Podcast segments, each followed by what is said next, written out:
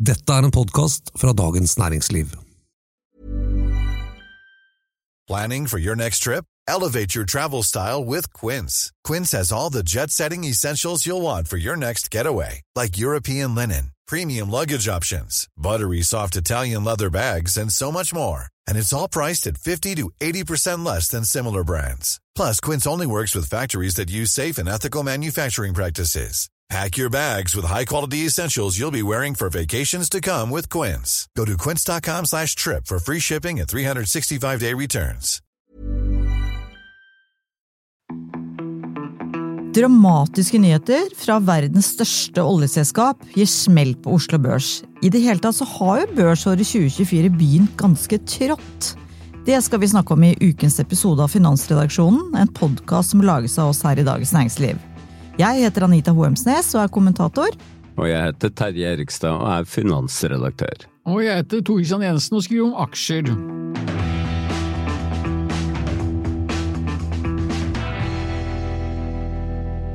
Gips. Men før vi sveiver i gang ukens episode, så skal vi ha en liten opprydning etter forrige ukes episode. Alltid litt, alltid litt søl å rydde opp i. Litt søl og noen knuter som skal knytes og så videre. Jeg kan ta min først, Tor Christian. Jeg refererte tall fra Verdipapirfondenes forening som viste at småsparerne så hos småsparerne så var andelen som investerte i indeksfond, for vi snakka jo om indeksfond og aktive fond i forrige uke, andelen var på 29 og det synes jeg var litt lite, så jeg uttrykte min misnøye for det da i, i episoden. Men så fikk jeg tall fra en vennlig sjef i VFF som viste hvor stor andel av nytegningen i fond som går til indeksfond, og det var noe annet. I fjor så satt småsparerne inn over 10 milliarder kroner i indeksfond, mens de tok ut 2,2 milliarder fra øvrige aksjefond. Så kort sagt betyr det at fordi indeksfond er ganske unge i sånn hvor lenge de har vært på markedet, så er fortsatt veldig mye av fondsbeholdningen i gamle aktive fond.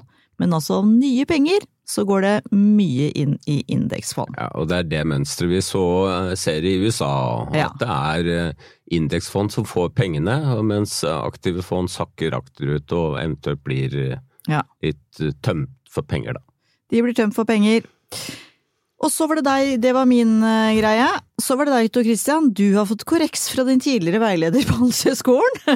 Jo, det er riktig. Jeg har, fikk en mail fra Karin Torbjørn, som er eh, finansprofessor på eh, Handelshøyskolen. Så jeg, jeg gikk jo sånn corporate finance-kurs knyttet til AFA, hvor hun var en av eh, foreleserne.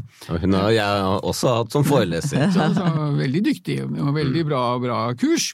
Eh, og så har jeg også fått en mail fra KLP, eh, som er jo stor innenfor indeksforvaltning. så det, det de eh, korrigerer meg på, er at eh, Og jeg har vært inne og hørt på det, så jeg kan jo godt forstå at de, de korrigerer meg. For det kan, eh, at jeg snakker som om at eh, når Eh, la oss si at du får en boble, eller at en, en aksje stiger eh, veldig, og hvis da et indeksfond er inne i eh, det papiret, så av da aksjen stiger, så må de da øke sin andel i det papiret. Og eh, det er jo feil. altså det er klart de, de øker sin verdi, og det er rett og slett at eh, prisen på verdipapiret stiger, men det er jo ikke slik at indeksfond eh, justerer andelen eller sine kjøper og selger aksjer i papir av at kursen stiger.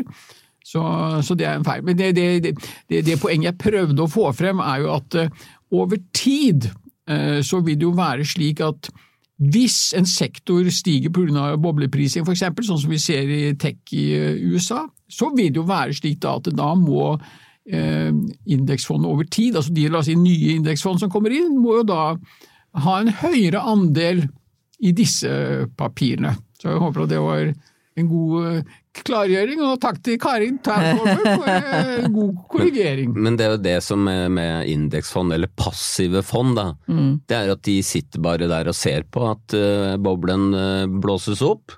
Og Det er for så vidt et argument. Hvis du tror det er en boble, så burde du jo kanskje selge. Det ville kanskje et aktivt fond ha gjort. Så Ja. et passivt fond følger da bare indeksen. Hey, I'm Ryan Reynolds. At Mint Mobile, we like to do the opposite of what Big Wireless does. They charge you a lot, we charge you a little. So naturally, when they announced they'd be raising their prices due to inflation, we decided to deflate our prices due to not hating you. That's right. We're cutting the price of Mint Unlimited from $30 a month to just $15 a month. Give it a try at mintmobile.com slash switch. $45 upfront for three months plus taxes and fees. Promote for new customers for limited time. Unlimited more than 40 gigabytes per month. Slows. Full terms at mintmobile.com. Planning for your next trip? Elevate your travel style with Quince. Quince has all the jet setting essentials you'll want for your next getaway, like European linen, premium luggage options, buttery soft Italian leather bags, and so much more. And it's all priced at 50 to 80% less than similar brands. Plus, Quince only works with factories that use safe and ethical manufacturing practices. Pack your bags with high-quality essentials you'll be wearing for vacations to come with Quince. Go to quince.com slash trip for free shipping and 365-day returns. Quality sleep is essential. That's why the Sleep Number Smart Bed is designed for your ever-evolving sleep needs. Need a bed that's firmer or softer on either side? Helps you sleep at a comfortable temperature? Sleep Number Smart Beds let you individualize your comfort so you sleep better together. JD Power ranks Sleep Number number 1 in customer satisfaction with mattresses purchased in-store. And now, save 50% on the Sleep Number limited edition Smart Bed for a limited time. For JD Power 2023 award information, visit jdpower.com/awards. Only at a Sleep Number store or sleepnumber.com. Jips, nei, men da har vi rydda opp, da. Jeg syns det gikk greit, jeg. Og så går vi videre til det temaet for ukens episode. Det handler om oljemarkedet, et marked som norsk økonomi og Oslo Børs er svært avhengig av. Ok, Terje, hva er saken? Ja, Det var en sjokkmelding fra verdens største oljeselskap, Saudi Aramco, som er børsnotert, men som er 98% eid av den saudiarabiske staten. Eller av de herskerne der, da. Det er jo ikke akkurat uh... Det er ikke akkurat en demokratisk valgt folkeforsamling der, nei? Nei, det er det ikke. Uh, dette selskapet har da annonsert tidligere at det skulle øke produksjonskapasiteten sin fra 12 til 13 millioner fat olje per dag innen 2027. Uh, bare den økningen fra 12 til 13 det er liksom 50% av norsk oljeproduksjon. Så, så, det er en betydelig økning. Uh, og dette det hadde kommet langt. Uh, vår søsterpublikasjon Upstream skrev forrige uke om hvem som lå an til å få kontrakter. Da. Og dette var da oppgraderinger på et offshorefelt, ikke på land, men på, til vanns som skulle oppgraderes kraftig. Det var lå an til kontrakter på 10 milliarder dollar. Og Subsea 7 var nevnt som et av, som er børsnotert i Oslo, var et av selskapene som da lå godt an. Og så plutselig så sier energidepartementet i Saudi-Arabia til Saudi Aramco nei, det, stopp de planene der. Vi har 12 millioner i kapasitet nå, det holder. Saudi-Arabia produserer faktisk bare 9 millioner fat per dag, så de har altså 3 millioner fat i reserve. Det er 1,5 ganger norsk oljeproduksjon. Mm. Og så bare måtte jo Saudi Aramco melde dette fordi det er børsnotert. Og det fikk jo noen konsekvenser på Oslo Børs òg, fordi det, dette var jo blant de største investeringsprosjektene i oljebransjen i, globalt. Oi. Og hva er det som skjedde da, Tor Christian, på børsen? Ja, da ble det en smell, og det er spesielt da for, for riggselskaper som har stor andel jackup-rigger, som det heter. Altså Jackup-rigger er de som står fast på bunnen, og da er det typisk for, for eh, grunnere vann, hvor, hvor riggen står med, med ben på, på, bunnen, altså da ikke flytende bårrigger. Og, og, det er jo den type rigger som eh, Saudi Aramco eh, eh, spesielt benytter seg av i, i, i, Midtøsten, og det var da Bård Drilling, denne babyen til Tor Olav Trøim, han var han som etablerte det selskapet og er styreleder her, og så er det et selskap som heter Shelf Drilling, de er blant de norske selskapene, og så har vi et svært selskap i amerikansk riggselskap som heter Valaris, hvor jo John Fredriksen eh, er inne. Og alle disse selskapene falt kraftig. Bård Drilling var vel ned 11-12% på det meste, mens Shell Drilling var ja, i, i, noe av det samme, og den siste jeg så på Valaris var vel en aksje ned uh, 6% For det som da er poenget, at det var jo oktober 21 at Eh, Saudi-Arabia eh, iverksatte, eller vedtok disse vekstplanene, og da tror jeg Saudi Aramco hadde kanskje 40-45 rigger eh, leid inn. Og nå, den siste tallene viser at det var 90 rigger, så det er en betydelig økning nettopp fordi at Saudi Aramco skulle øke produksjonen. Eh, og nå er jo da, og vi vet jo ikke dette, men da er jo frykten i markedet, da, for blir det da eh, enten en hel stopp i veksten av etterspørselen etter nye etter rigger, eller kan det til og med bli et fall, sånn at det blir færre rigger i i, i, aktivitet. Og det er jo ikke gode, gode nyheter for ratene, altså det som de da tjener på å leie ut disse uh, riggene. Så det gjør at kursene på disse riggselskapene faller kraftig. Men hvorfor gjorde Saudi-myndighetene dette, da? Det er nøkkelspørsmålet, Anita. Helt riktig. Mm. Skulle tro du var journalist. Fyske litt i faget. Ja. Eh, det, det, er eh, ikke oppgitt noen grunn. Eh, så det er mye Det spekuleres. Hva er det som er årsaken? En sånn veldig tilforlatelig årsak er jo at hvorfor skal Saudi-Arabia bruker masse penger på å utvide kapasiteten til 13 millioner fat, når de har en kapasitet på 12 og bare bruker 9? Mm det er dyrt å holde en sånn kapasitet eh, i gang. Det er ikke sånn at du bare liksom uh, si begynner å så øh, Det er ikke bare å skru opp krana? Nei. Øh, den krana må på en måte holdes ved like, og det koster mye penger. Så da, da er liksom La oss være litt opportunistiske. La oss vente litt med det prosjektet. Da kunne de jo kanskje sagt at oss, vi utsetter dette. Det er akkurat nå er det mye ledig kapasitet. En annen uh, forklaring uh, mulig er at uh, den saudiarabiske staten trenger pengene, rett og slett. Det betyr at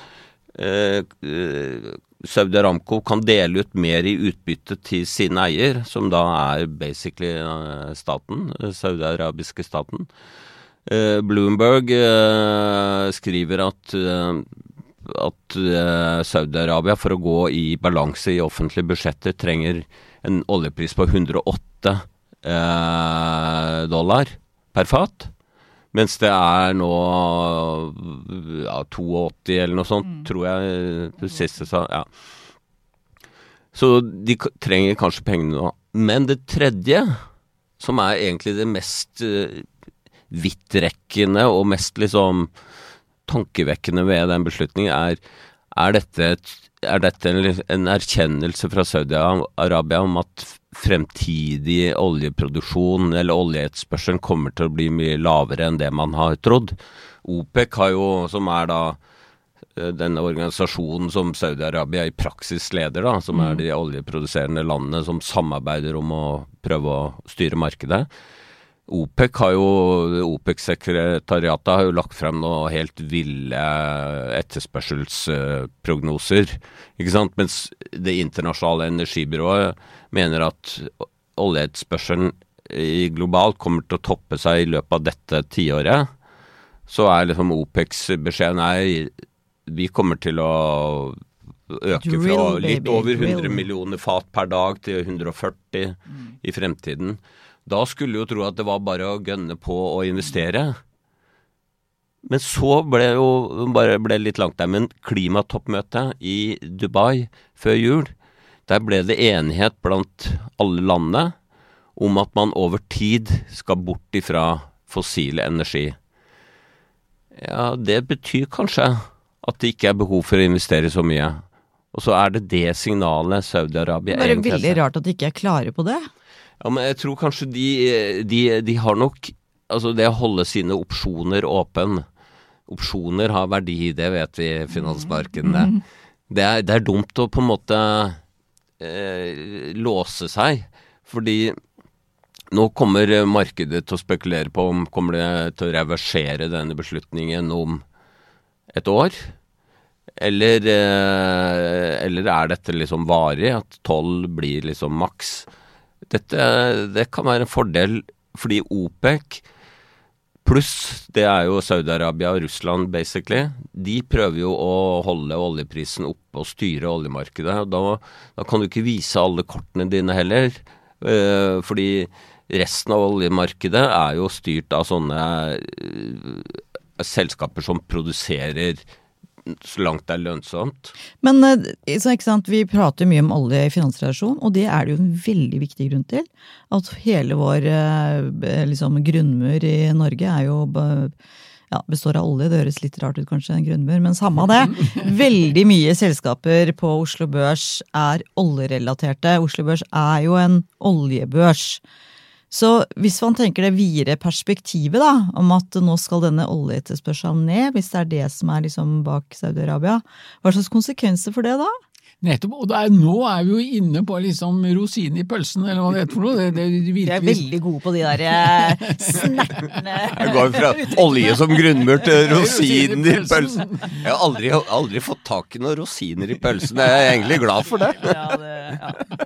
Nei, dette er saudiske pølser. De, de, spiser kanskje ikke så mye pølser. Nei. Ok, Glem det uttrykket du, Tor Christian.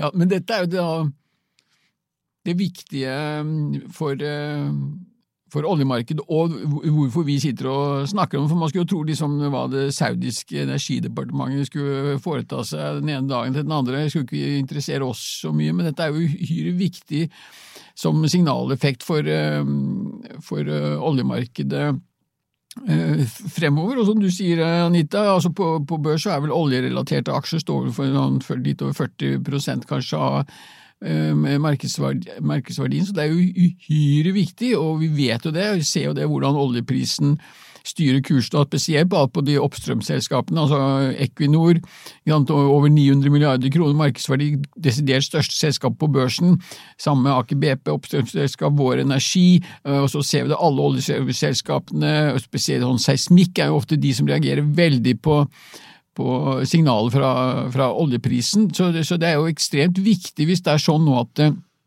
Saudi Aramco og Saudi-Arabia eh, nå begynner å forberede seg på en lavere etterspørsel. Ja, vi husker jo for noen år siden med, med BP. ikke sant? De endra jo liksom, De skulle ikke lenger være British Petroleum, men det skulle være Beyond Petroleum. liksom Å, liksom gå vekk fra oljeproduksjon og så over til mer, mer fornybar.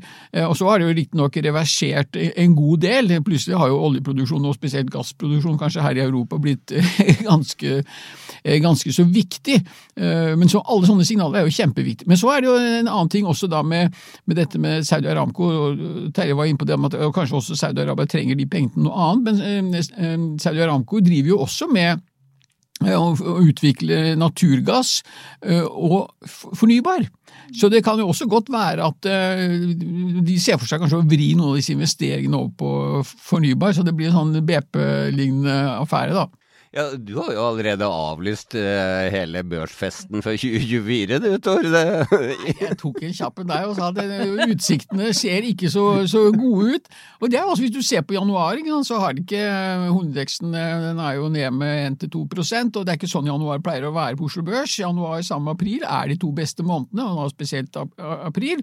Og hvis du ser på oljeprisen, så langt i år, siste tallet jeg sjekka, så er jo oljeprisen opp 9% i januar, så det skulle jo tyde på eller føde til at eh, disse oljerelaterte aksjene steg, men, men det, det, har vi jo ikke sett. Eh, Equinor er for eksempel ned med 4-5 Og da er det klart, og vi ser DNB Markets, Pareto og Sparebank E Markets har alle kommet med nedgraderinger av Equinor-aksjen spesielt. De har tatt ned kursmålene betydelig og tatt ned anbefalingen, så de har jo nå alle sammen nøytral anbefaling på Equinor.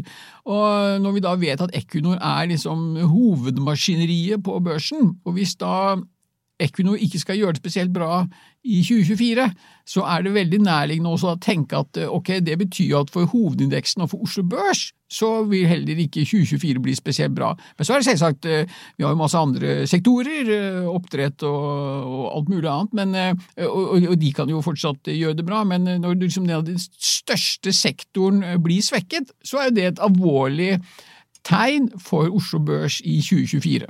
Ja, det er jeg helt enig i. Bare legge til da også et, et, en storbank eh, som eller, eh, finansinstitusjon som Morgan Stanley har også gjort det samme, nedgradert eh, Equinor.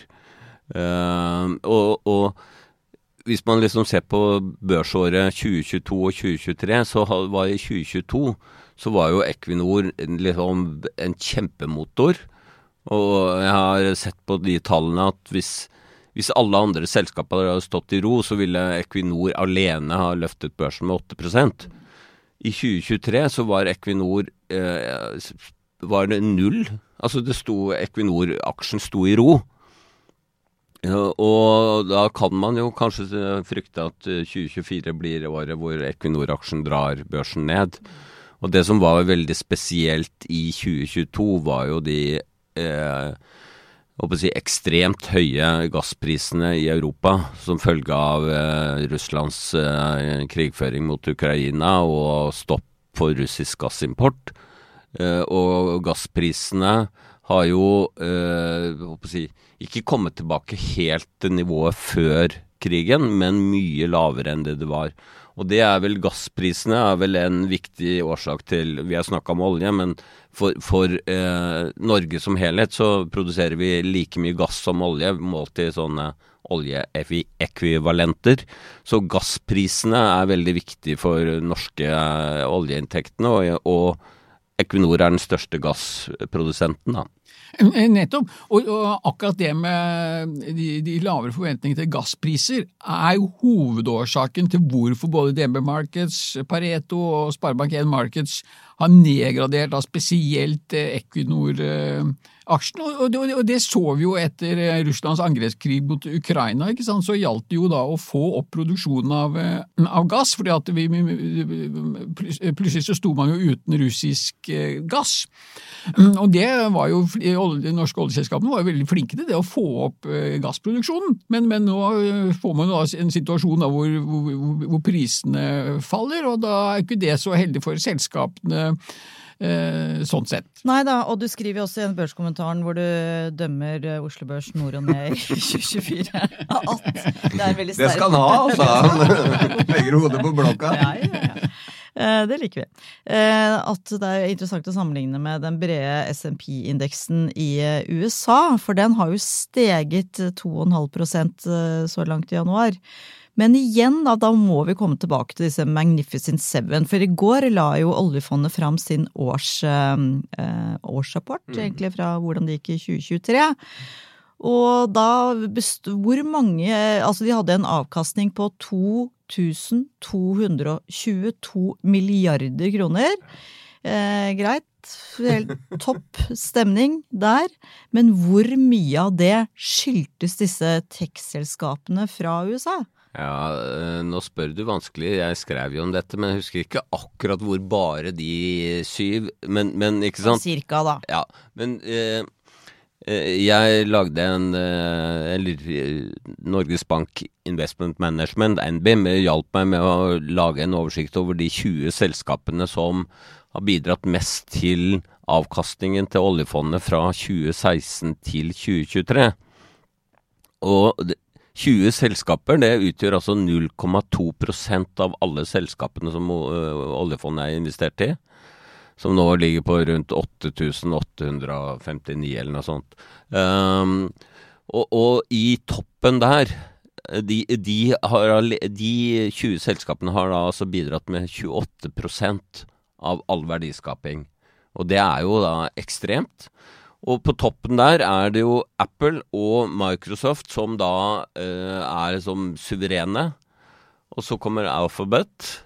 Uh, og så kommer dette denne raketten Nvidia, eh, som da lager disse prosessorene som brukes til kunstig intelligens. Eh, og Tesla er også med der, og, og Meta, da, Facebook. Eh, det er jo de som er eh, eh, Jeg tror jeg har fått med alle. Uh, Ja, du har det. Um, det som er litt sånn Igjen, vi snakker om dem som én gruppe, men, men det, i år har det vært veldig stor spredning der. Tesla, for eksempel, falt jo kraftig fordi eh, vekstutsiktene ikke er så gode som det var før. Mens Microsoft har fortsatt å stige eh, og bidrar eh, betydelig. Eh, og Alphabet kom med resultater, eh, både Microsoft og Alphabet kom tirsdag denne uken, altså i går. Eh, og eh, Microsoft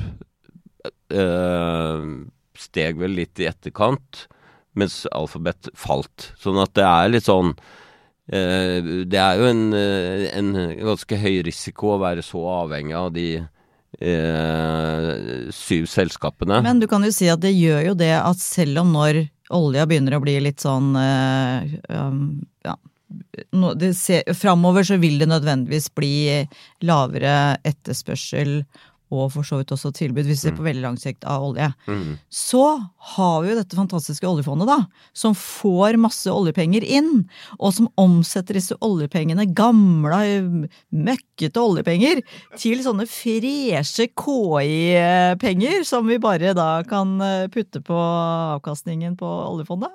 Det er genialt. Ja, vi får, nyte det så lenge de aksjene stiger, for at, eh, det er jo stadig flere nå som begynner å snakke om det at eh, og vi har nevnt ordet boble, at eh, det er, begynner å bli alvorlig mye luft i prisingen av disse aksjene. Og som du nevnte, Anita, at det er jo vært en, en de- frikobling eller dekobling mellom amerikanske aksjemarked og Oslo Børs. Altså, I USA så stiger jo SMP 500, den brede indeksen, er jo all time high-nivåer eh, annenhver dag, holdt jeg på å si, og, og, og steget i januar, mens da hovedindeksen på Oslo Børs er ned.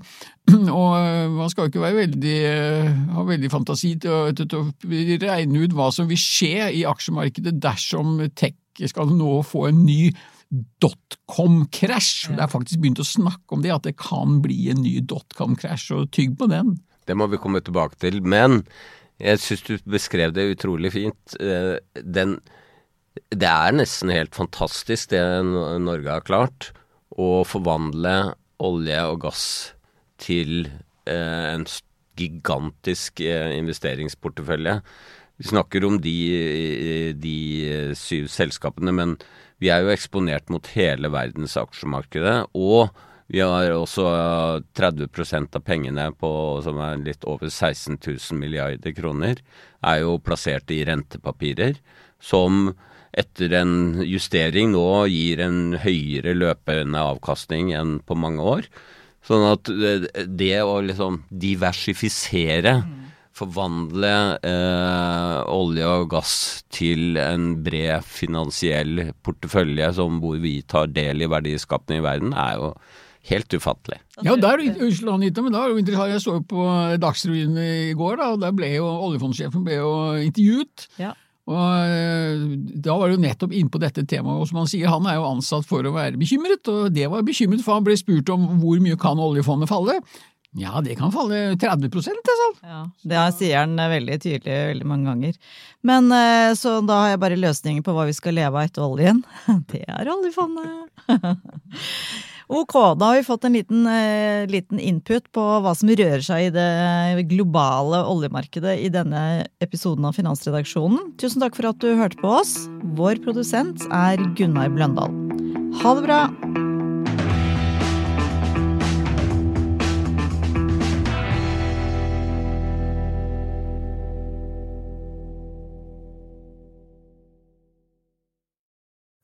Du har nå hørt en podkast fra Dagens Næringsliv.